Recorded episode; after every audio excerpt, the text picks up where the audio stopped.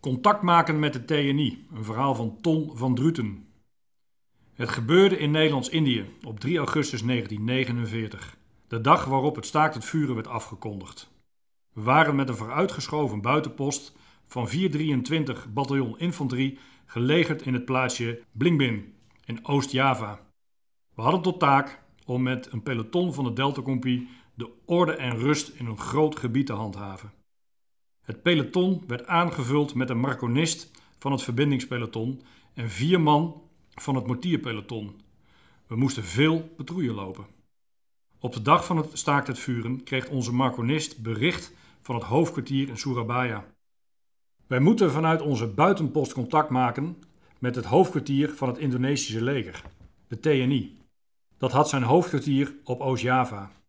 In ons gebied hadden we te maken met het keurkorps van de TNI, namelijk met de mobiele brigade. We waren hoogelijk verbaasd dat dit hoofdkwartier zo dicht bij onze buitenpost lag, op nog geen twee kilometer afstand. We hebben het vele malen op afstand met een patrouille gepasseerd. Ik kreeg de opdracht om het eerste contact te maken. Met alleen een revolver aan mijn koppel ben ik over een modderig paadje door de kampong op pad gegaan om het telegram te overhandigen aan de commandant van de mobiele brigade, de kolonel Suchipto.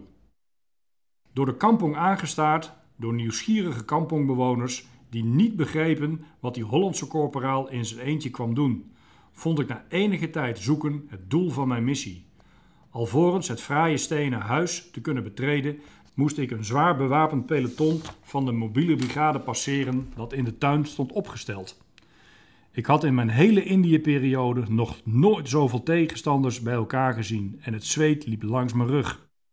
Op de veranda werd ik vriendelijk door kolonel Sujiptu en zijn adjudant ontvangen.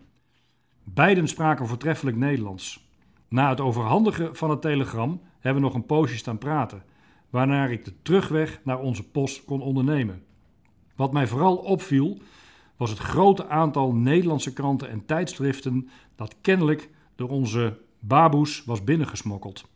De volgende morgen kwam de kolonel op een bergpaadje naar onze post om het antwoord te brengen, dat door de marconist snel werd doorgestuurd naar ons hoofdkwartier in Surabaya.